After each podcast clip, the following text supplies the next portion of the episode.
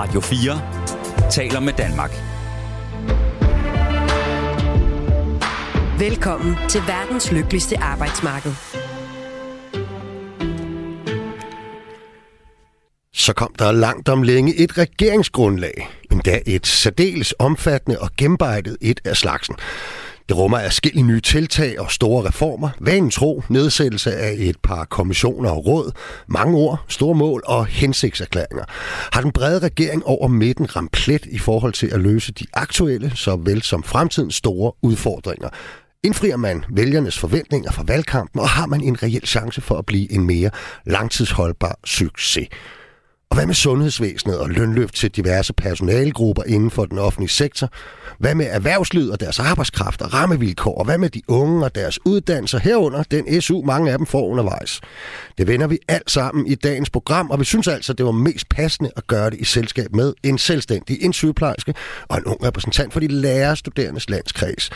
Eller rettere, Niklas, Nana og Karoline. Det kunne næsten lyde som julekalender, det er det ikke. De er alle tre med i det her program hele udsendelsen. Et af de måske lidt undervurderede elementer i det grundlag, som Socialdemokraterne, Venstre og Moderaterne blev enige om, er, at den danske stat nu vil anlægge et annullationssøgsmål mod EU i sagen om en fælles europæisk og lovbestemt mindsteløn. Vi har europaparlamentariker fra Socialdemokraterne Marianne Vind med på en telefon til en kort snak om, hvad det nu er, det alt sammen handler om. Der er også en 3 til stede i dag. Det er mig, til daglig fællestillidsmand og statsansat de næste 55 minutter, dog jeres vært. Velkommen til programmet. Du lytter til Radio 4. De damer, den herre, velkommen til programmet. Tak. Tusind tak. tak. Er I øh, ved at være sådan øh, klar til, til, til juleaften? Tja, jeg har syge børn, og så det ligner en hver anden jul. ja, okay. Det er hvad vi lige skal vide, hvem det er, jeg egentlig står og taler med. Ikke, Margot? Det, jeg kom lige sådan lidt kort ind over det, må man sige, med, med, med julekalender og, og, og farveproportioner. Kan du ikke starte, Anna, med at sige, øh, hvad det er, du laver?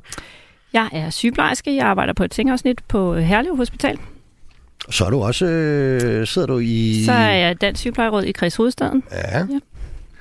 Og øh, jeg har øh, driver en øh, virksomhed, øh, Bækkers Kaffe, øh, så jeg er selvstændig iværksætter. Du hedder Niklas til fornavn, som Becker, vi ja. som er, Og Niklas, du har været herinde før, det har Nana i øvrigt også, og Karoline for den sags skyld også. Men det er altid interessant at få dig hen, fordi at, at hver gang du kommer hen, så, så har du enten lukket en virksomhed og åbnet en ny, eller fundet på, at nu skal du jorden rundt i en båd, eller, eller starte et eller andet øh, voldsomt projekt. Hvad, ja. hvad, hvad er det sidste nye?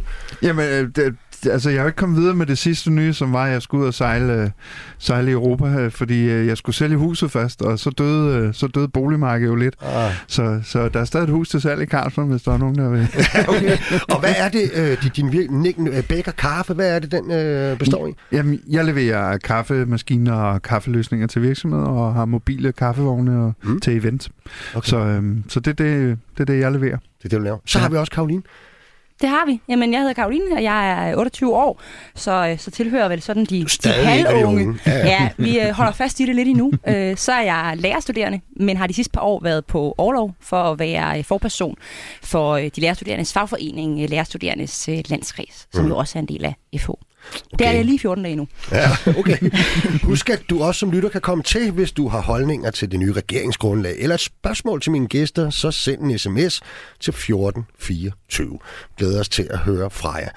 Um, der er jo lige sådan, jeg godt kunne tænke mig at, at lige tage en kort runde på de der klassiske juletemaer. Ikke? Det er sådan, at i når vi når den her måned, ikke, så, så den kulørte presse især, så skal de altid lave sådan nogle artikler om, øh, sådan opfører du dig ordentligt til julefrokosten. Og jeg tror, de tager det mere alvorligt øh, i år, end man har gjort måske for, for 5-8 år siden. Og der er også altid sådan nogle historier og nogle eksperter, der udtaler sig om... Øh, bør chefen gå tidligere hjem fra julefrokosten end de andre. Der er også nogen, der brokker sig over, at der ikke er snaps og flæskesteg på til de julefrokoster, hvor de ansatte alle sammen er muslimer øh, og sådan noget. Men, men jeg synes ikke, det har været så voldsomt i år måske, som det plejer. Men der kan vi godt lige tage en, øh, en, en kort runde. Har I holdt, øh, Karoline, julefrokost øh, i, i dine selskaber?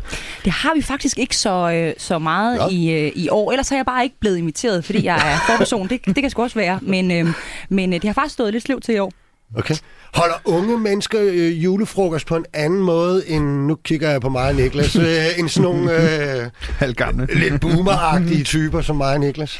Det ved jeg ikke. Jeg tror, vi holder nogle sådan lidt, øh, lidt old-fashioned øh, julefrokoster, dem jeg plejer at være Okay. til. Øh, så, øh, så der er godt med klassisk mad og, øh, og godt med drikkelse, og det øh, synes jeg plejer at gå igen, også øh, hvis gennemsnitsalderen er lidt højere.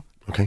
Du, du er jo en slags chef, Niklas. Øh, Ja, det, ja. og, og, og man hører jo altid den her. Alle er ligesom enige om det, at øh, cheferne må godt være med til julefrokosten, men de skal ligesom forlade det hele på, på et eller andet tidspunkt, inden både at deres medarbejdere begynder at ville diskutere deres løn, eller hvorfor de øh, lukkede den der øh, afdeling derovre, øh, men måske også inden de selv kommer til at sige noget fjollet, eller hvad?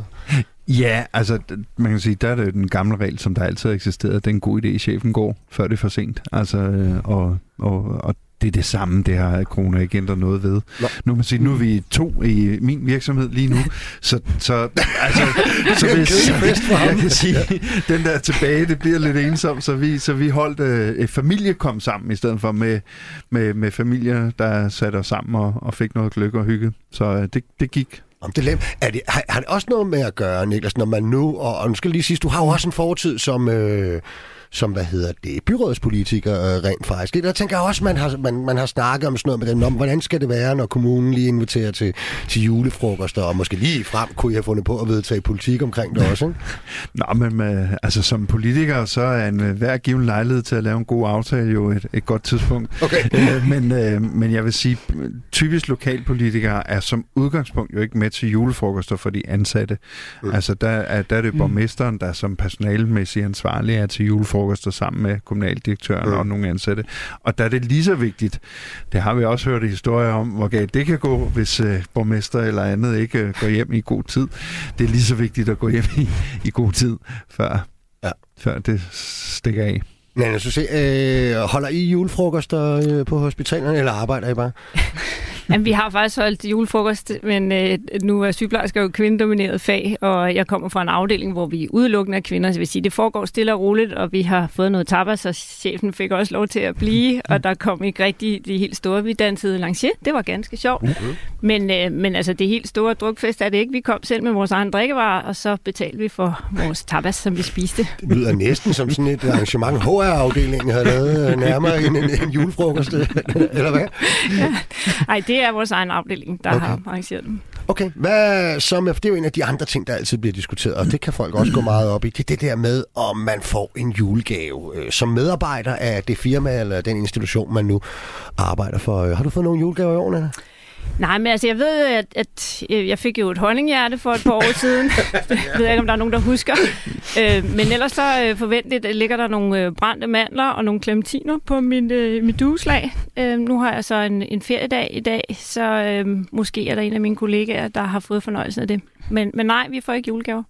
Nej, det gør vi faktisk heller ikke. Vi fik, vi fik det inde hos mig, det var også en statsinstitution, altså vi har aldrig fået det, men fik det, øh, man valgte at gøre det, godt nok sponsoreret af, af, et- af et firma, øh, under corona, og mm. eller, da vi ligesom var tilbagevendt efter corona, og ændrede enormt meget i vagtplanerne, fordi at det var ind og ud, og, og, og, og personalet var virkelig hængt for. Ikke? Så ja. meget fint valgte man faktisk at give os en, øh, en julegave øh, der. Når man så giver en julegave ikke, som chef øh, og virksomhed, arbejdsgiver, Niklas, er det så... Øh, kan man give for lidt, og kan man give for meget? Altså, jeg, nogle gange kan, kan medarbejdere blive sure over hvad som helst, ikke?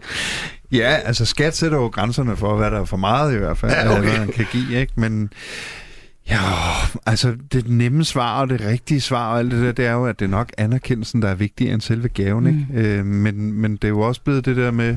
Jeg har været i store virksomheder, hvor vi var over 1000 ansatte, hvor alle 1000 fik nøjagtigt den samme gave. Mm. Mm. Der tror jeg godt, jeg kan afsløre, at den blå avis øh, altså, Var fyldt. Jo, var, fyldt, var fyldt med til salgting bagefter, Ja. ikke? Og så kan man sige, hvem vinder egentlig på det? Så Mm. mm. jeg, jeg tror, der er ikke et, et svar, der er det rigtige. Der må Ja. man finde ud af, hvad, hvad der fungerer på hver sit sted. Du står og nikker, Karoline. Jamen det gør jeg. Jeg tror, at som politisk valgt får jeg en hel del øh, håndskrevne julekort, øh, og sender også selv mange ud. Og dem bliver jeg langt gladere for, end, øh, end, end, end hvis jeg fik en julegave. Og det, det der klap på skulderen, det betyder meget. Mm. Øh, vores sekretariat for julegaver, også de der, der måske ryger på den blå avis bagefter. Mm. Øh, men vi startede sidste år en tradition i vores politiske ledelse om selv at gå ned i magasin, og så købe os et gavekort. For vi synes mm. alligevel også, at vi skulle øh, være lidt med i, øh, i klubben. Så, øh. men, man må lige sige en ting der, fordi jeg har faktisk gået modsat. Jeg giver ikke øh, som virksomhed til mine kunder, jeg giver ikke julegaver i år, mm. men til gengæld gav jeg en sommerhilsen, en lille sommergave. Ja? Simpelthen fordi, at øh, jeg kunne godt tænke mig at, at vente mm. lidt rundt. Ja. Det der med, at det er ikke kun til jul, og det er ikke kun til fødselsdag, vi ligesom skal, ja, ja. skal sige noget til hinanden. det må godt være mm. Og ved du hvad, man jo faktisk, altså, om man vil, kan man jo sige, at vi har fået en ny regering i julegave alle sammen. Øh, på mange måder. Jeg fandt jeg lige på den overgang. Jeg ved ikke, om den, om den helt holder. Øh, er der nogen af jer, som egentlig var, var overrasket over, at det overhovedet lykkedes at danne en, en, en bred regering, som altså øh, hen over midten, og som består af navne som øh, Jakob Ellemann, Lars Løkke og Mette Frederiksen. Øh, Nana? Ej, altså nu havde vi jo nogle 40 dage til at vende os til tanken, ja. så øh, da, de, da de endelig præsenterede regeringen, så tænker jeg, der var jeg jo ikke overrasket, men, men altså, hvis man havde spurgt mig for et halvt år siden, så ville jeg nok sige, at det havde jeg nok ikke regnet med. Det havde du ikke regnet med? Og, hvad, og hvad bygger du det på? Jamen, det er svært at få enderne til at hænge sammen. Det er flere forskellige ideologier, der skal øh, få et, øh, få et arbejde op at stå. Øhm, og det handler også om, at om man skuffer sine vælgere, og hvor meget mm. man kan få gennemført. Så vi er vel alle sammen sådan forholdsvis øh, afventende i forhold til, hvad der kommer til at ske nu. Mm. Hvad med dig, Karoline?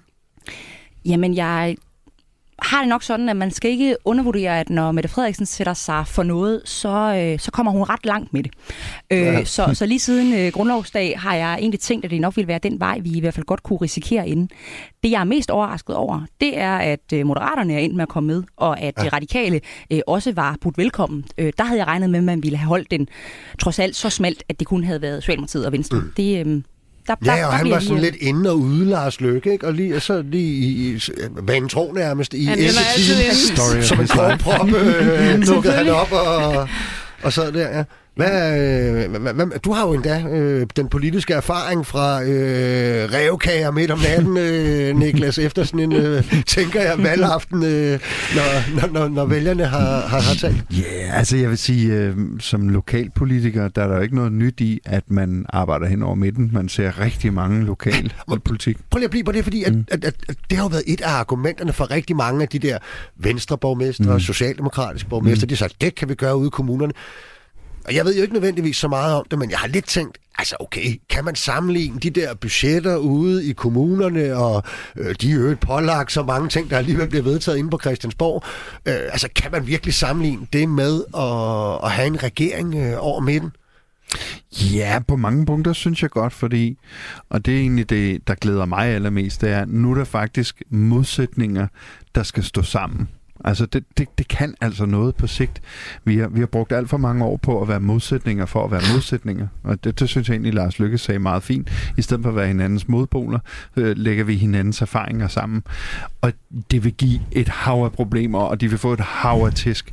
Men, men jeg, jeg, tror, det vil, jeg tror, det vil rykke noget ved dansk politik, der kan være vedvarende. Okay. Vi får rig mulighed for at dykke ned i, i de elementer, mm. som I hver især, det er jo sådan set derfor, I er inviteret, kan man sige, øh, øh, går meget op i. Øh, omkring det her øh, emne. Ikke? Men hvis vi bare lige tager en kort runde på, hvordan I så overordnet set synes, at, øh, at selve regeringsgrundlaget så det de så faktisk nu låst i døren til Amalienborg og kom ud med, med, med nogle kompromiser, om man mm. så må sige, og, og, og et meget omfattende øh, og gennemarbejdet program.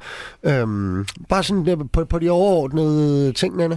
Jamen, jeg synes, der er nogle interessante ting, og jeg, jeg er glad for, at der er en, en anerkendelse af, at man øh, i hvert fald i sundhedsvæsenet og på uddannelse øh, har brug for nogle, øh, nogle ret omfattende reformer. Mm. Så jeg kan da vente og håbe. Vente og håbe? Mm. Okay. Karoline? Jamen, jeg tror, da jeg læste det igennem i onsdags, øh, jo også lidt hurtigt, som man nu gør, jamen, så var der, øh, så skiftevis øh, blev jeg rigtig bekymret og, og rigtig glad. Øh, og tror også, at der er nogle steder, hvor vi kan komme rigtig langt, og hvor der er nogle nye muligheder øh, ved at stå over midten. Øh, men jeg tror ikke, det er ikke en socialdemokratisk øh, regering, og den sådan en vil jeg gerne have øh, beholdt, og, øh, og, og, og jeg er nok øh, først og fremmest øh, bekymret for, hvor, hvor længe det her var, og hvordan mm. det bliver. Hvad, hvad, hvad med, med det der spørgsmål? Øhm, der, der bredte sig jo sådan en stemning, både under valgkampen, men jo også i de mm. øh, nogle 40 dage, de forhandlede, øh, om at, øh, og det var i hvert fald lidt argumentation fra nogen, ikke? at øh, om vi har så store udfordringer, og de kan altså bedst løses i den her brede konstellation, og tiden skriger på øh, store reformer og modige reformer. Mm. Alle de der plusord, kan man vel godt tillade sig at sige. Ikke? Jeg synes ikke, vi, vi hørte så meget konkret om, hvad det så skulle gå ud på i selve valgkampen. Øh, og ja, det er heller ikke alt øh, af det endelige resultat, jeg kan genkende, at, at vi har talt om, vil jeg så sige. Men, øh, men, men køber I indledningsvis, lad os starte med dig, Niklas, køber mm. I indledningsvis det der med, at jamen der er øh, nogle ret store udfordringer for det her samfund, øh, som, som ligesom burde fremelske det her øh, brede samarbejde over midten, også i en regeringskonstellation. Ja, den teoretiske tilgang til det køber jeg. Mm. Om det i praksis bliver det, de så kommer til at gøre og tør, det, det må være det, de bliver evalueret på. Men, mm. men den teoretiske tilgang til, at der er så store strukturelle udfordringer... Mm. At og hvad vil så, du sige, de er? Jamen, blandt andet kan vi kigge på arbejdsmarkedet i forhold til mm. arbejdsudbud. Vi mangler simpelthen folk. Vi har en stor ældre demografi, så vi mangler folk. Altså det tror jeg, at dem på hver side af mig vil sige, og, og jeg selv også i forhold til erhvervslivet, der mangler folk. Øhm, mm. Og så er det hele vores velfærdssamfund, som er dygtigt og dejligt og godt, men dyrt og tungt. Mm. Altså, det er det. Du står og nikker, Nana, da der blev sagt dyrt og tungt. Er det inde hos dig selv? Det er sådan, eller hvad? Jamen, jeg ved ikke, om det, det er udelukkende dyrt og tungt. Der er jo også meget kvalitet, mm. og det er jo forhåbentlig det, vi skal fremelske noget mere mm. af. Og, og jeg er fuldstændig enig i, vi, vi ved jo alle sammen, at vi mangler arbejdskraft, men altså at forøge arbejdsudbuddet på, på baggrund af en, af en helligdag, på baggrund af besparelser osv., altså det kan godt bekymre mig rigtig meget. Mm. Ja, og hvorfor? Jamen, altså for det første synes jeg, at øh, vi går i en modsat retning, når vi taler om øh, arbejdsudbud og at bruge en, en stor bededag. Og som jeg egentlig også sagde til Niklas før, at øh, jeg går på arbejde uanset på alle hellige dage, så for mig betyder det ikke noget, men jeg synes, vi går den anden vej i forhold til det, vores samfund egentlig har brug for. Det er jo mm. altså en større balance mellem arbejdsliv og, og fritid. Øh, vi har ikke nogen af de store øh, reformer, som rent faktisk sikrer lønmodtagerne bedre vilkår, mere fritid, øh, mere fornøjelse af at gå på arbejde. Så, så jeg synes, vi går den forkerte vej, når vi hele mm. tiden kræver, at vi skal yde mere, og vi skal gøre tingene hurtigere. Vi skal gøre dem smartere. Ja, nå, men, altså det, det kan jeg sådan set uh, kun være enig i. Man kan sige, at udfordringen er jo, at der er jo færre om at lave de samme opgaver mm. end før. Så, så det der med smartere mm. er udfordring, og der synes jeg, at Jobcenter er et godt sted, hvor de kigger på et sted, der var blevet mm. for dyrt og tungt. Altså, øh, stop det. Lad os starte forfra. Mm. Jeg synes måske af flere grunde, øh, i, i den her debat, altså det, reformkommissionen, den, den, den konkluderede jo, at det absolut væsentligste bidrag øh, til dansk økonomi og vækst, det har ikke været arbejdsudbudsreformer, det har været produktivitetsstigninger. Ikke? Mm. Altså, øh, og jeg ved ikke, hvor meget fokus jeg synes, der er på det, men jo, der kan helt klart godt komme noget på hele den mm. der snak om offentlig sektor og, mm. og sådan noget, men, men det er ikke så konkret måske, eller hvad, Karoline? Nej, der er mange kommissioner, der skal sættes i gang nu, ikke? og mange mm. undersøgelser, der skal mm. laves. Øh, men jeg tror på, ikke bare på et teoretisk plan, men også på et, på et praktisk plan, at der er, det er rigtigt, at nogle udfordringer øh, kan bedst løses, når de ikke har et eller andet konkurrenceaspekt, særligt Venstre og Socialdemokratiet. Nana nævnte før sundhed og uddannelse. Øh, så noget som universitetsuddannelserne, hvor jeg tror, vi er mange, der godt kan se, at der, skulle, øh, der er noget, der er, øh, der er nødt til mm. at blive trukket i en eller anden bremse, øh, hvis vi også skal have blandt andet nok faglærte øh, og nok sygeplejersker og nok lærere og alle mulige andre faggrupper, men hvor der er så store og magtfulde interesser på spil, mm. der tror jeg, det er fuldstændig afgørende, at, at man okay, så, så logikken her er, at der kan de to altså nu, nu er Venstre altså ikke særlig stor parti lige i øjeblikket, men, men, men for bare nogle år siden ville vi have sagt, de to store gamle yes. magtpartier, der altid havde flertal alene i Folketinget mm. og øh, sidder på 85 procent af alle mm. borgmestre rundt omkring i kommunerne, at der vil de ligesom kunne sætte sig øh, ned og kigge hinanden i øjnene og sige, okay, det bliver ikke nødvendigvis så populært det her, men øh, det, er jo, det er jo for fanden det rigtige at gøre. Er det det der logikken, øh, Niklas? Jamen, det er det jo, altså, og, og, og, og, det, og det er derfor, jeg siger, teoretisk er det det rigtige, mm. om det er praksis er det, der kommer til at ske, må vi jo så se. Mm. Altså helt konkret eksempel, når vi snakker om arbejdsudbud. Øh, jeg skulle bruge en ansat og, og lagde det op, at jeg skulle bruge en ansat til, til en morgenmadsrestaurant, jeg skulle drive. Jeg fik nul henvendelser. Altså, så jeg bliver bare nødt til at mm. sige, at produktivitetsforbedringer er rigtig godt, men hvis ikke du har nogen, der kan mm. produktivitetsforbedre, så går det ikke så, går det ikke så godt. Nej, nej. Men lad os, så, så lad os blive lidt på dig, øh, Niklas. Ikke? Fordi jeg har, jeg har læst mig frem til, at du på de sociale medier, du egentlig som udgangspunkt er, er, er meget... Øh, positivt indstillet over for den her, det har du også lige sagt i virkeligheden, mm. øh, regeringskonstellation. Mm. Ikke? Hvis du så skulle Meget. tage kasketten øh, på som iværksætter mm. øh, også. Ikke? Mm. Øhm, hvad synes du så, du har fået af, af fokus i regeringsgrundlaget der? Jamen, når jeg kigger på regeringsgrundlaget, så er der øh, et par steder, de har slået ned, som jeg synes bliver meget spændende at følge. Det er blandt andet finansiering i forhold til selvstændige iværksættere, at de er inde og kigge på og gøre det nemmere for private, ATB og andre at skabe kapital. Og det er faktisk en kæmpe forudsætning for iværksætteri, mm. hvor bankerne er blevet rest restriktive igennem finanskrisen, så restriktive, mm. at der er nærmest ingen banker, der reelt kan hjælpe en risikovillig kapital. Nej, præcis. Mm. Der er ingen risikovillig kapital i bankerne, fordi de er øh, underlagt så, så strappe krav. Øh, og det er måske et sted, jeg mm. godt kunne savne, at de kunne have gjort lidt mere, mm. hvis man skulle sige det. Okay. Men, men det, det, jeg allermest håber på, de kigger på, det er øh, den økonomiske sikkerhed for selvstændige. Der mangler noget omkring dagpenge for selvstændige. Okay. Det har været et kæmpe problem, og det står der intet om i regeringsgrundlaget. Hvordan skulle man, hvis du bestemte, øh, løse det? Og der er mange ting, hvis jeg bestemt, Nikolaj. Men altså, jeg tror... Vi kan starte med det ja, Men lad os, lad os starte med at kigge på, hvor svært det er faktisk øh, at, at få dagpenge som selvstændig. Altså, det er næsten umuligt. Øh, og de fleste selvstændige melder sig ud af A-kassen. Mm. Og det, det synes jeg er et strukturelt mm. problem. Fordi det gør det også sværere for nogen at kaste sig ud i at ture at være iværksætter. Mm. Fordi der skal være et økonomisk bagtæppe, et minimumsbagtæppe. Det er ikke et guldbagtæppe, bare en overlevelsesbagtæppe. De fleste selvstændige kan jo, uh, kan jo sige, at de tjener jo mindre, end man får som dagpenge. Altså, mm. det, det gør man de første bange ja, år. Ja. Uh, så, så det er ikke meget, vi forlanger.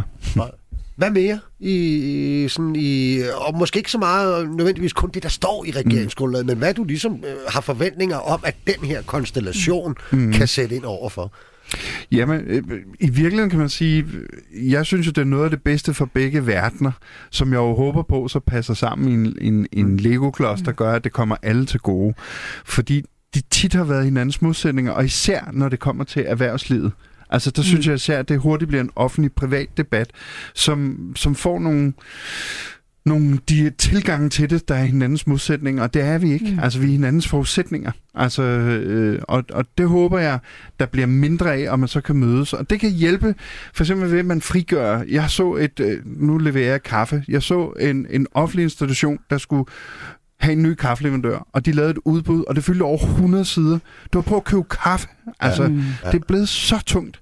Øh, og det er nogle af de steder, jeg håber på, at man måske kan komme tilbage til sund fornuft. Mm. Mm. Til gavn for både det offentlige, men ja, også for det private. ressourcer til kerneydelserne, mm, ja. øh, om man så må sige. I står og nikker både Karoline og, og, og Nana. Nana øh, jeg sagde også noget klogt. Ja, det gjorde du faktisk, ikke? Og, og, og, og, og, og, og det, jeg synes, der er svært at vurdere, det er om, øhm, fordi jeg synes måske ikke, det bliver så konkret. Jeg, jeg kan ikke lige helt oversætte nu hvad alle de der ord om mm. øh, frihed for borgeren, frihed for den ansatte, frihed for ledelsen, øh, frihed for øh, alle. Mm. Altså, jeg lyder, det lyder umiddelbart øh, fedt synes jeg ikke. Men, men, men, men når vi går lidt ned ad vejen, altså kunne der også gemme sådan en, noget, øh, hvad kan man sige, større grad af konkurrenceudsættelse øh, her, for eksempel inden for, for, for, for dit område? Øh, inden for mit område, hvad tænker du på? Jamen, jeg tænker på, om at, øh, at, at de private i endnu højere grad, end de er i dag, for eksempel, skal være en del af, af løsningen. Jamen, det står jo, så vidt jeg kan se i regeringsgrundlaget, at de skal være en, en stor del af løsningen. Og der må jeg sige, at, at når vi står i en utraditionel situation, hvor sundhedsvæsenet er ved at kollapse, så altså, bliver vi nødt til at bruge de private udbydere, og det ser jo heller ikke ud som om, at det er dem, der rent faktisk suger arbejdskraften. Mm. Altså, øh, sygeplejersker forsvinder øh, i forhold til, hvad man sådan ligesom har undersøgt. De forsvinder jo til andre fag, mm. og de forsvinder til, til Norge. Så det er stadig en forsvindende lille del af, af privathospitalerne, som, som rent faktisk øh, udbyder, og de øh, øh, operationer, de varetager, er jo anderledes. Det, der er udfordringen, det er jo netop øh, oplæring, specialisering og alt det, der er alvorligt, det foregår på de offentlige hospitaler som i høj grad mangler arbejdskraft. Det er jo ikke kun det private, der mm. suger mm. noget. Øhm, man kan sige, at der er jo en del sygeplejersker, anestesisygeplejersker, som, som sagtens kan få job i det private. Jeg kan faktisk ikke få job øh, på... Altså, jeg varetager øh, mennesker, som øh, er, er alvorligt syge og døende, og, og det er jo ikke noget, der er i høj konkurrence ude på det private. Mm. Mm.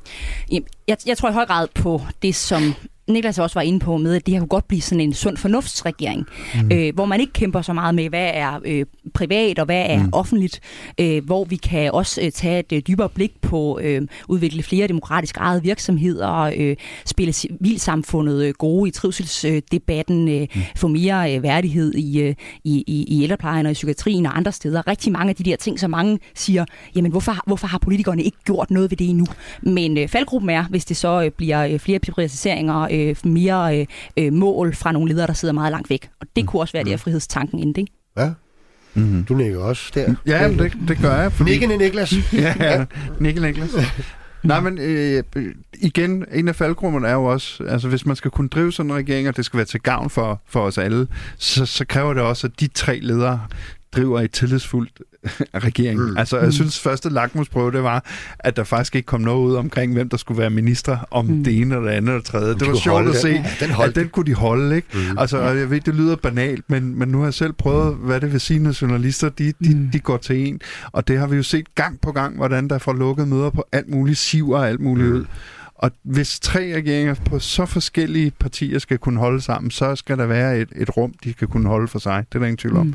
Ja. Og, og hvis man sådan lige her øh, skulle relativt kort, så øh, synes du så, man har ramt den der, hvad kan man sige, balance i regeringen, hvor at vi ikke behøver at diskutere, om det er en lønmodtagervenlig regering, eller en arbejdsgivervenlig regering, eller om det er fagbevægelsen, eller øh, erhvervsorganisationerne, der har fået, øh, eller ført pinden. Øh. Synes du, man har ramt balancen?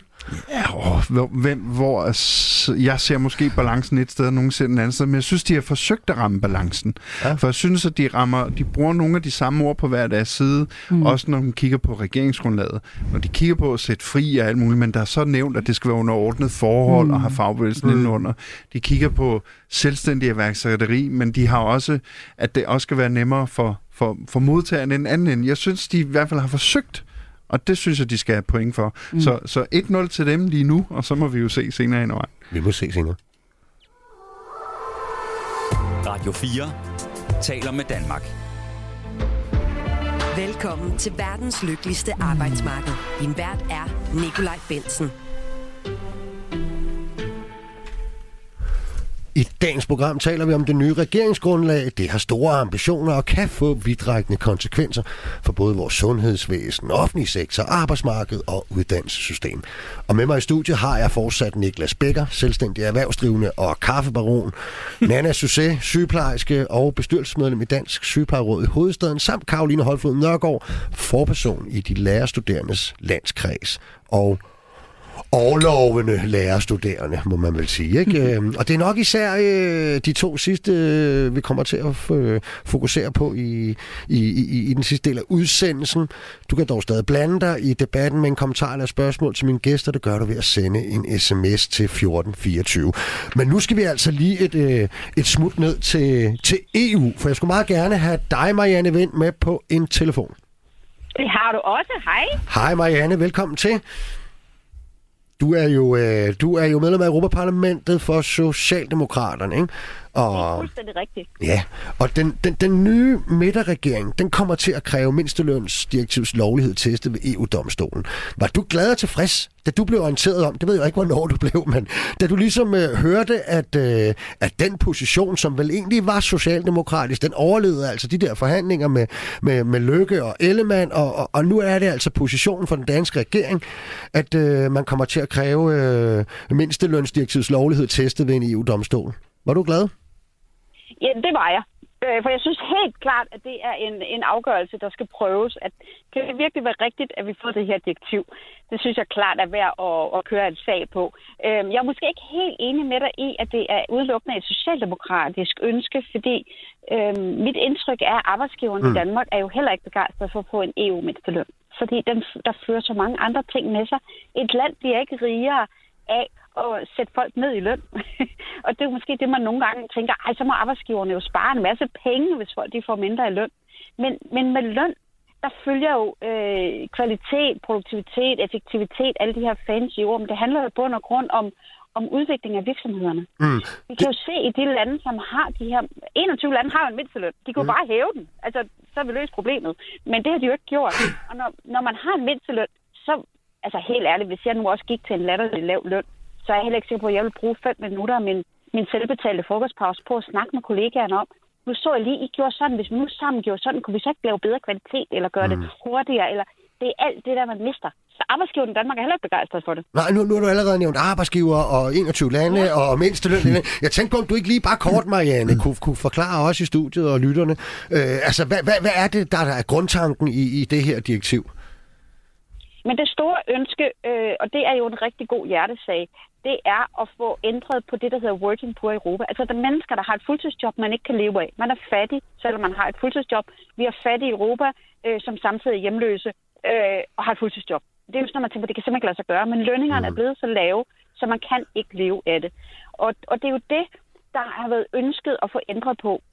Problemet er bare, at mange af dem, der er øh, working poor, altså arbejdende fattige, øh, det er helt andre årsager end den direkte timeløn også. Mm. Det kan fx være, at man er øh, sit eget selvstændige firma, øh, for så skal man nemlig ikke have mindsteløn. Så der er mange andre årsager øh, til, at man kan være working poor, og også derfor øh, er mindsteløn ikke den rigtige løsning.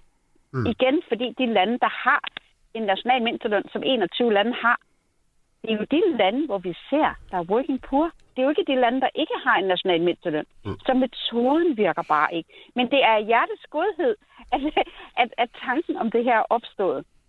Okay, men, men øh, så vidt jeg forstår, Marianne, altså det, nu, nu er det jo vedtaget, kan man sige, og står vi egentlig ikke altså i Danmark ret alene øh, og nu måske endnu mere alene, øh, både nu med, med, med et søgsmål og med den her kritik af direktivet og, og, og position i det hele taget? Øh, jo, det gør vi. Øh, vi. Altså, øh, jeg har da været meget alene hele vejen igennem i mit beskæftigelsesudvalg i, i parlamentet. Mm. men, Hvad siger men, dine kollegaer til dig? bare med nogle gange. Men, men, når man, men øh, jeg har da også fået skæld ud, og jeg er iskold og usolidarisk, og det sviger temmelig meget, når man mm. er gammel tilsrepræsentant og får at vide, ja. man, man er det.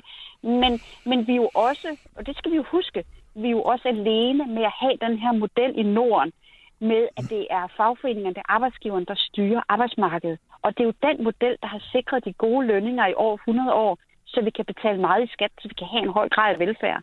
For det er jo det, vores kollegaer, i, i mine kollegaer i parlamentet misunder os. Det er, at vi har velfærdsstater i Norden. Mm. Vi har gratis sundhedsvæsen, vi har gratis uddannelse. Der er en hel masse ting, vi tager for fuldstændig givet øh, i Norden. Det er bare en del af en velfærdsstat. Det er jo alle de der ting, de er misundelige på. Mm. Men det er jo fordi, vi har stærke fagforeninger, stærke arbejdsgiver, som sammen er enige om, men vi skal forny arbejdsmarkedet hele tiden for at forny virksomhederne. Den model virker bare. Så det er vi jo også alene om, og det er det, jeg kunne finde et trøst i. Øh, at vi, ja, jeg er alene om at vi forsvare vores model, men vi er så også de eneste, der har den model. Mm. Øh, kan det ifølge dig, det, kan du være nervøs for, at det får nogle konsekvenser for vores sådan, position og måske ligefrem indflydelse i, i EU? Jeg kan godt forstå, at, at der er en nervøsitet, og man mister det der politiske kapital, hvis man, hvis man er dem, der spræller for meget i. Øh, og jeg har jo selv mærket det. Altså, der var der en periode i parlamentet for, for to år siden, da det her var virkelig på højtryk i parlamentet, hvor, hvor jeg blev straffet med at ikke få taletid i salen og sådan mm. ting. Øh, og det er jo sådan noget, de små ting, man kan blive straffet på. Men, men i mellemtiden har jeg jo, har jeg jo fået tildelt, øh, øh, at jeg har udarbejdet Europaparlamentets næste syvårige arbejdsmiljøstrategi. Og det er jo altså en ret stor sag. Så mm. det er jo ikke sådan, at jeg er blevet straffet permanent på det. Altså, det gælder jo alle steder i samfundet og i livet. Hvis du møder op til møderne, og du knokler for dine ting, og du viser, at du, øh, du gerne vil arbejde i den rigtige retning, så bliver det jo også glemt, at du har været øh, imod dit, mm. din gruppe, eller hvad det er, øh, på et enkelt område. Øh, så ja, du mister den politiske kapital i et øjeblik. Men når man tænker på, hvor tit der bliver skiftet regering et eller andet sted i Europa, så er der en stor udskiftning af mennesker hele tiden over i, i blandt beskæftigelsesministerne. Så problemet er altså heller ikke større. Ah, okay. Og her til sidst, Marianne Vind, øhm, har du kigget i spokhulen, og tør du komme med et bud øh, på, hvordan det her søgsmål ender ved EU-domstolen? Altså, det er jo lidt træls at skulle sige, men, men jeg har på fornemmelsen, at vi nok vil tabe den. Mm. Fordi det, når man anlægger en sag, så ønsker man jo at få fjernet direktivet. Og, og det kan vi, hvis vi siger, at det er traktatbrud. Og der står i, en, i Lissabon-traktaten, at EU må ikke blande sig i lønforhold. Og det første, de første to udkast, der lå, og ikke den tredje version, der er blevet vedtaget, der var det klokkeklart traktatbrud, fordi der var jo sat ind, øhm, altså ikke en sats af 15 euro i timen, fordi det giver jo ikke mening, om man er fra Bulgarien eller Luxembourg, men, men om øh, hvilken niveau i forhold til mm. landet, 60% af medianløn og 50% af gennemsnitsløn. Og det er traktatbrud, og det står der ikke i det ende, det er blevet meget mere udvandet. Men der, hvor vi kan vinde på det her, det er, at vi får afgrænset EU-domstolens muligheder for at dømme øh, individuelt på det her. Mm. Og det handler om, øh, indrømmet, vi har nogle i Danmark, øh, der arbejder for 30-40 kroner i timen. Vi har set det i kinesiske rationskøkkener, vi har set det i, i landbrug, hvor der går rumænske landbrugsmedarbejdere til meget lave lønninger. Øh, der kunne EU-domstolen godt finde på at sige, jamen I skal sørge for, at der er en mindsteløn til dem, der ikke har nogen indkomst. Mm. Og så smuldrer vores model, hvis det sker. Så det er vigtigt, at vi kommer ud og får øh, rigtig mange flere, øh, der arbejder på det danske arbejdsmarked, til at få en overenskomst. Men jeg tror også, med en domstolsafgørelse, der vil man kunne, kunne indsnævre muligheden for at dømme mm. på det her område. Så den sidegevinst kunne være, at vi indsnævrer øh, domstolens øh, råderum. Men jeg tror måske ikke, vi vil vinde den. Men det, det finder vi ud af. Ja, og vil du være, Marianne Vind? Europaparlamentariker fra Socialdemokraterne. Tusind tak for din bud, og i hvert fald fordi du gjorde os lidt klogere på, på det her søgsmål. Held og lykke, og tak fordi vi måtte ringe op. Jamen, det var så lidt. God dag. Ja, og glædelig jul. Hej. Hej. Nu prøver vi altså at... Ja, det var meget spændende, faktisk, øh, det der, synes jeg. Men nu prøver vi lige at dreje billedet lidt mod øh, de unge. Nu kigger jeg på dig, Karoline. Yes. Nørgaard, forperson for de lærerstuderendes landskreds du bliver lidt en slags repræsentant for de unge øh, nu i det hele taget. Ikke? Siger ofte. Ja, ja.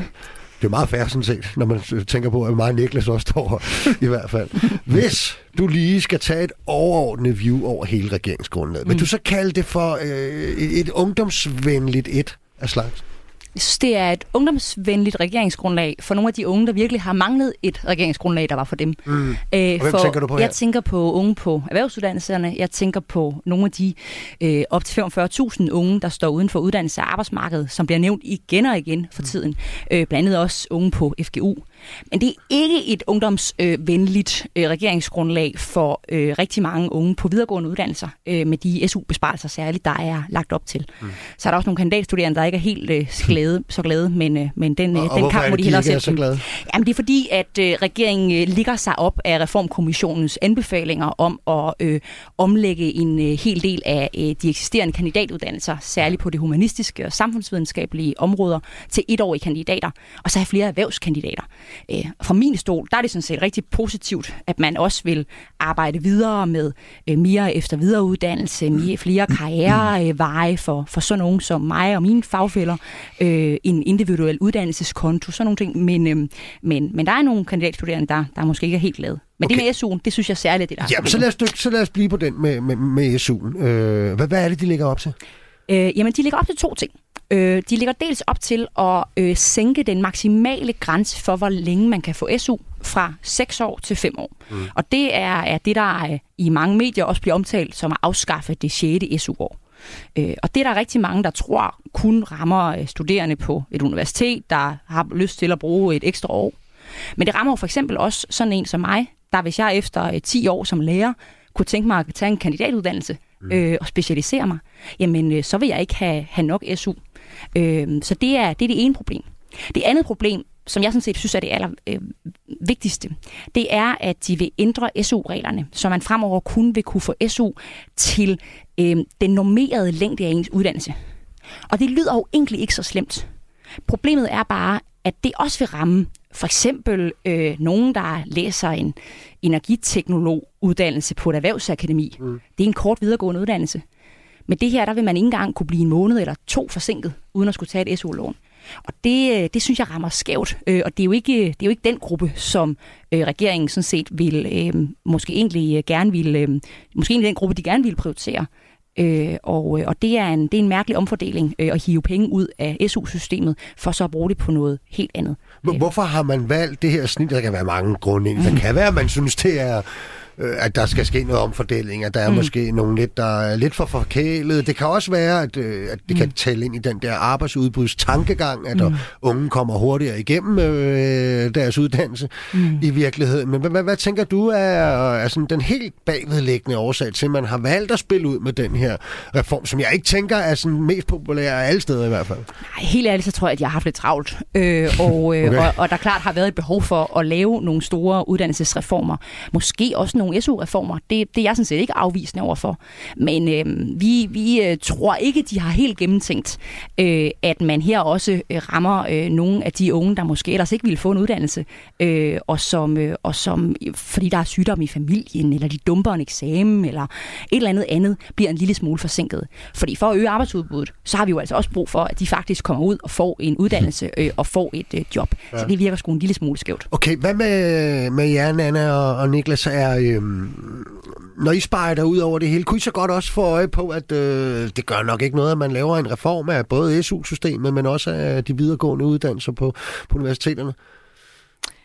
Jamen, altså, jeg mener dybest set, at vi skal have en SU-reform, og vi skal se på, hvordan vi får vores unge mennesker ud i, i samfundet på en, øh, en, en god måde, og også at vi øh, retter det mere mod de øh, erhverv, som vi rent faktisk mangler. Mm-hmm. Øh, erhvervsuddannelserne, jeg hæfter mig ved og glæder mig meget ved, at der er sikret et løft. Øh, det er jo et, altså et kæmpe mangelvare for Danmark, og, og på den måde, så skal man jo give og tage lidt. Jeg er fuldstændig enig i, at man, man skal selvfølgelig passe på, at det ikke rammer de svageste. Mm. Men, men jeg mener faktisk, at en SU-reform må begynde at tale ind i, hvad med, er det, at, at, altså, kan, kan det ikke være en mulighed, at noget skal være et SU-lån? At øh, jeg kan egentlig godt lide tanken om, at man skal ud på arbejdsmarkedet og komme tilbage igen, og man i øvrigt kunne have et arbejdsgiverbetalt, erhvervsrettet øh, videreuddannelse. Så på den måde gør arbejdsmarkedet en lille smule mere fleksibelt og erhvervsrettet. Det, det ser jeg egentlig nogle gode takter i, men jeg kan jo sagtens følge dig i, øh, i, i, i de bekymringer, du gør dig. Mm, Niklas? Jeg tror, det er meget sundt at ryste bussen for det hele. Det her er måske et meget godt eksempel på et sted, hvor en, en, en bred regering måske vil have større succes, end hvis den her debat skulle foregå som to modpoler, mm. der skal forsvare, om det hedder cafépenge, eller om, øh, mm. hvad der er bedst. Man kan så sige, at lakmusprøven bliver så at blive, jamen, hvad bliver resultatet af de forhandlinger? Fordi i det regeringsgrundlag, der står i forhold til den SU, øh, du også kigger på, jeg er også bekymret for den, der tilpasser sig den normerede tid, mm. øh, fordi det, det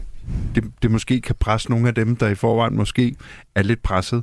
Øh, men det, det, er, jo, det er jo der, hvor at, at, at du og os andre har en opgave i at, at komme med input mm. til, mm. så det bliver tilpasset af dem, mm. at når de skal øh, effektuere en ny lovgivning og en reform af det. Og mm. det tror jeg er vigtigt. Mm.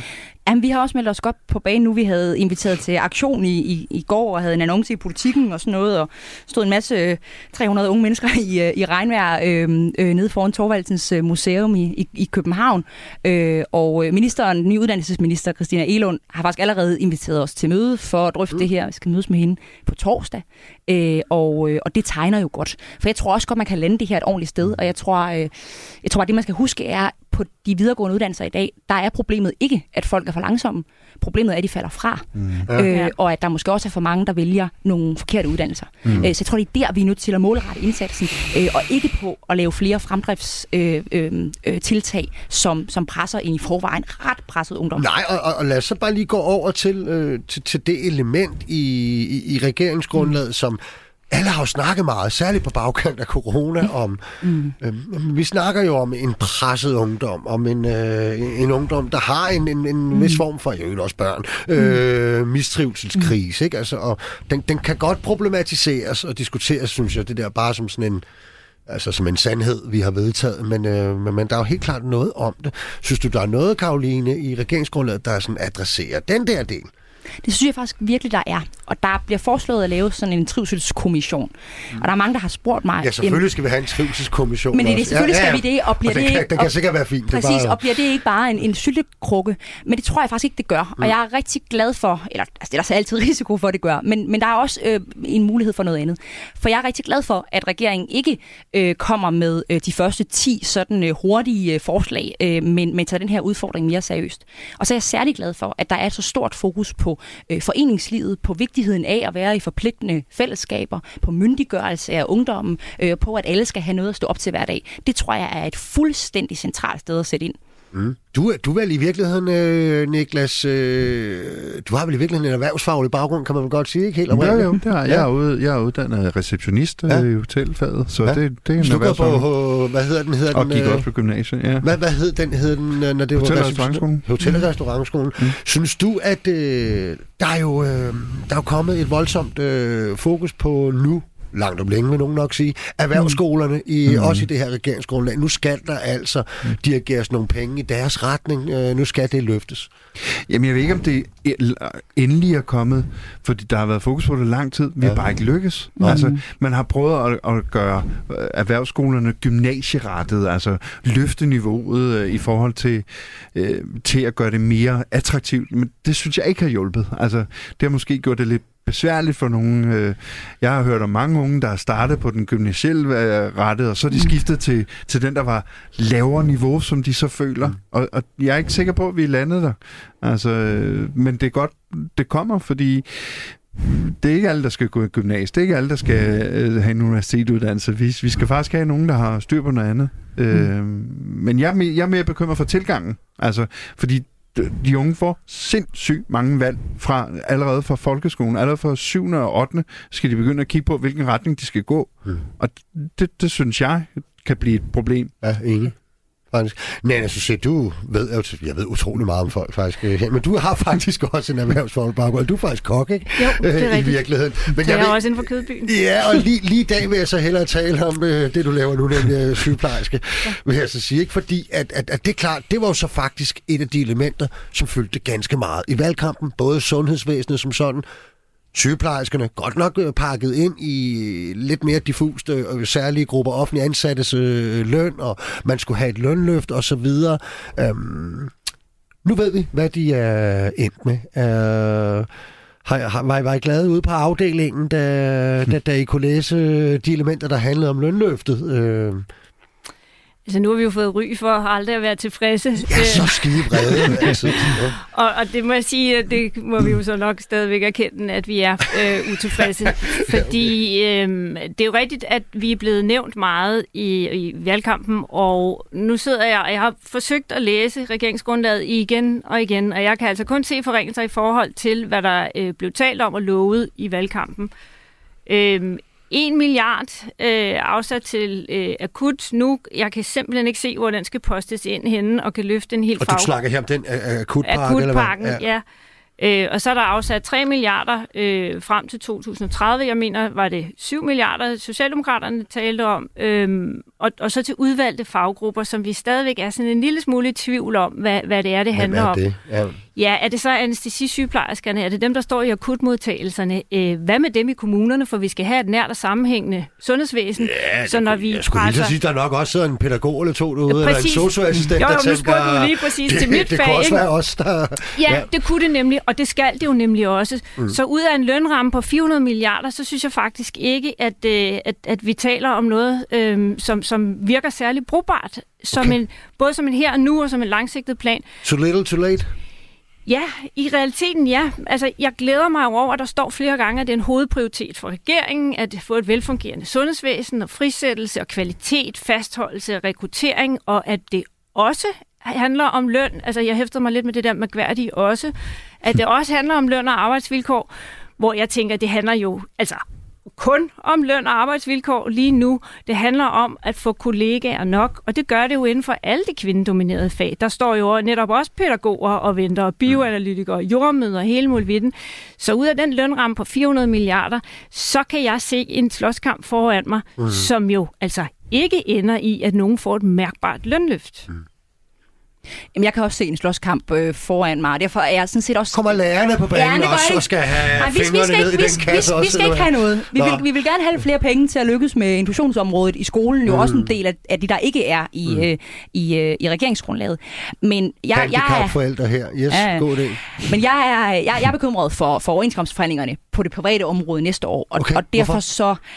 Ja, men øh, jo, men dels fordi nu skal ryger der en, øh, en, øh, en, en helligdag, eller i hvert fald lagt op til det, selvom mm. den nye beskæftigelsesminister har noget at trække lidt i land, men jo også fordi, at øh, den diskussion omkring øh, øh, løntilskud på det offentlige område jo øh, ikke er noget, som alle i de, på det private, i de private fagforeninger er helt glade for. Nej. Så jeg tror bare, det er rigtigt set, at man øh, sætter akut ind nu, og så gemmer vi øh, diskussionen til vi lige er over øh, øh, OK23 og går i gang med, øh, med vores egne Den selvstændige øh, iværksætter, Niklas Becker, han står med sådan lidt smørret smil på. Jeg kan ikke lige øh, tyde, hvad, det, hvad det går ud på. Hvad, Jamen, på begge sider hører jeg bare flere penge, flere penge, flere penge. Ja, det, det gør man tit, når man er iværksætter i ja, ja, ja, men, men sygeplejersker i skole, er, ikke? Men, øh, men, men det er også, øh, det, det skal man, det er også deres opgave, kan man sige, i en eller anden forstand. Men jeg tror, jeg tror faktisk især på det offentlige, der har fagbevægelsen virkelig behov for at sætte sig sammen og finde ud af, om det mm. strikker ordentligt sammen. Mm. For vi så problemet, at da man nævnte om måske at give sygeplejersker lidt mere løn, så kom alle de andre faggrupper og sagde, det kan I ikke, så skal vi også have. Mm. Altså, vi kom, lærerne kom ikke. Det vil jeg gerne nej, lige uh, fast. alle andre faggrupper, vil jeg så Vi vil sige. også bare gerne matche øh, jeres og, løn. Og, ja, men I kan matche min løn, så kan det være... men det får at sige, jeg tror, jeg tror, der er behov for at snakke om andet end løn, fordi de fleste, jeg i hvert fald snakker med inden for det offentlige, det handler især om Arbejdsvilkår. Ja. Og den hører du jo tit, Nana Fak, I får den faktisk lidt tit smidt i hovedet. Um... Jamen, det, vi får den smidt i hovedet hver gang. Ja. Altså, det starter med lønnen. Og, og, og det er simpelthen det eneste sted, vi skal starte med nu, for vi skal have flere kollegaer. Og med flere kollegaer kommer der bedre arbejdsforhold. Det skal selvfølgelig ikke stå alene. Mm. Men, men lige nu og her, der starter det med lønnen. Og der er en milliard altså ikke nok, fordi det er ikke udvalgte kolleger, der skal have, der står og er helt brændt sammen. Det er hele faggrupper, der har behov for at blive løftet. Og så handler det simpelthen om en anerkendelse. Det handler om, at også med samme niveau af uddannelse kan sammenligne os nogenlunde i lønnen. Og jeg er jo fuldstændig klar over, at du som selvstændig kan have måneder, hvor du ikke tjener det samme. Mm. Til gengæld har du en mulighed for at øge din indtjening på andre måder. Så vi kan jo ikke sammenligne det offentlige og det private på den måde. Det er jo det samme med, at når jeg påpeger, at vi har et problem i den danske model, så er der jo igen et problem inden for det offentlige område, for jeg har ikke muligheden for at løfte lønnen anderledes. Nej. Uagtet, at der er kæmpe efterspørgsel efter Jamen, jeres og det undrer mig altså, jo Og især... hver anden stilling ikke kan besættes. Øh, og der er ikke nogen, der søger ind. Der er jo ikke nok, der søger ind på uddannelsen, så skal vi gøre et fag mm. attraktivt så starter det med lønnen. Mm. Men skal vi ikke også kigge på altså, det strukturelle lige nu? Altså, Jamen, det er jo, fordi, skal vi det. altså, fordi det er jo også, det må vi jo være Men det ene er jo udelukker jo ikke det andet. Nej, nej, overhovedet. Jeg Det er siger bare, for hvor at vi sige, starter. Lad os, vi skal huske at have den med, for den er bare vigtig i forhold til det med, at alle mangler hænder. Det er jo fordi, mm. at der er færre hænder, end, altså strukturelt mæssigt Ja. set. Ja, men lige nu der Ja. flygter sygeplejerskerne fra faget, og de tager altså respekt, det job som tale- ufaglærte og Ja. øh, altså øh, laver pottemageri og alt muligt andet. Vi, vi, har, vi har brug for Det er også sygeplejerskerne vigtigt. lige præcis til det, de er uddannet til. Og rent samfundsmæssigt og strukturelt, så har vi brug for, at de mennesker, der er uddannet til det, de rent faktisk, øh, det fag, de skal i, at vi bruger dem der. Der, der ligger noget, Karoline, i, øh, i det der, hvad hedder det, fordi det har vi faktisk ikke lige nået at berøre, altså at, at der ligger noget i, at når man nu vil, vil, vil tildele nogle ekstra midler til overenskomstforhandlinger og gøre nogle ting i form, i form af lønløft til særlige grupper, at der nævnte hun jo også, Mette Frederiksen, at hun blev enige om, at der skulle altså en modydelse den anden mm. vej. Ikke? Altså, og vi ved ikke helt endnu, hvad den skal gå ud på, ud over Stor Bededag, men det er vist et helt andet projekt, Putin og en krig, det handler om. Ikke? Men, men, men de har nævnt noget om, at mere lokal løndannelse og sådan noget. Det er jo noget, man for eksempel i lærerkredse ikke bare hader, men har brugt alle deres kræfter på at sørge for, at det kommer overhovedet ikke til at ske ude på de danske skoler. Nej, det vil vi rigtig gerne undgå, og det vil vi jo øh, ikke fordi, at øh, der ikke kan være en lærer derude, der er, sådan har jeg det i hvert fald ikke, der, der måske fortjener et ekstra skulderklap, men fordi at de mekanismer og systemer, vi er nødt til at sætte i værks for at kunne måle, hvem der så skal øh, tildeles ekstra i løn, øh, de... Øh, øh, øh det, er det så sådan et weighting-system, forældrene skal gå ind og sige, om den her lærer har fortjent lidt ekstra, mm. øh, at det er på karakterer, øh, hvad, hvad er det lige, det går ud på? Og det kan, kan matcher simpelthen ikke med den virkelighed, lærerne står Jeg, i. jeg, jeg tror, det bliver en kæmpe debat, og jeg, mm. jeg, jeg har især lagt mærke til, at det er noget, Lars Lykke har i tale sat i Aarhus. Han har også påpeget det her med, at, øh, at, at jo mere man uddanner sig væk fra kerneydelsen, jo, jo, øh, jo større chance har du så for at kunne forhandle dig frem. Altså, så fungerer den øh, mere lokale løndannelse, mm. og man kan i hvert fald få mere løn, end hvis man, øh, hvis man bliver på perronen, og man så må sige. Hvordan, øh, hvordan tror du, Nana, at det her vil, vil blive taget imod af dig og dine kollegaer med, med, med modydelser til, til et lønløft og for eksempel mere lokal løndannelse? Jamen alene det, at man siger, at, at modydelsen er, at man skal, så skal have færre muligheder for deltid i overenskomsten. Altså mm. allerede der har vi jo puttet et kæmpe krav ind, hvor man mm. ikke har forstået sygeplejerskernes arbejdsliv. Øh, tværtimod, så skal vi tale ind i, at dem, der arbejder i de her vagter, som er rigtig svære at besætte, at de skal have en nedsat arbejdstid, så der er mulighed for at restituere og ovenikøbet selv have noget mere fleksibilitet. Så når man som arbejdsgiver forventer en øget fleksibilitet, så vil jeg altså gerne møde en sygeplejerske, som ikke føler, at de har været forholdsvis fleksible her over de seneste par år. Vi er ansat på gerne to matrikler. Vi øh, ved ikke, vi kender ikke vores arbejdsplan mere end fire uger frem. Vi øh, kan blive pålagt at arbejde. Vi er ekstremt fleksible på forhold. Så jeg synes faktisk, det er en rød klud i hovedet. Mm. Ved du hvad, jeg synes faktisk, det er et meget godt øh, sted at, altså med sådan lidt en form for brandtale, ikke? Altså, og, og parkere den. Jeg kan godt blive ved. det ved jeg, du kunne nemlig. Og, og, og ved du hvad, jeg også øh, har i hvert fald fundet ud af i løbet af de sidste 55 minutter, man kunne have inviteret tre politikere, eller tre politiske kommentatorer, ja. eller tre forskere, eller tre eksperter, en anden slags ind. Men jeg er i hvert fald øh, super lykkelig for, at det blev en sygeplejerske, en iværksætter og en, øh, en lærerstuderende, i hvert fald øh, snart igen.